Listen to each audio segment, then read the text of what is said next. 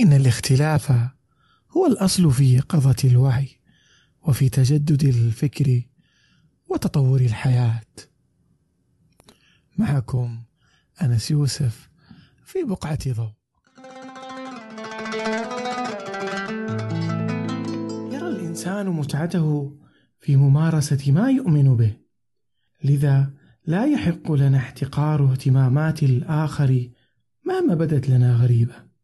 لا يحق لنا أن ننتزع حق الآخر من خلال انتقادات وملاحظات لا تشكل أي قيمة فكل متعة لا تجدها مناسبة لشخصك قد تكون عالما مثاليا للآخر.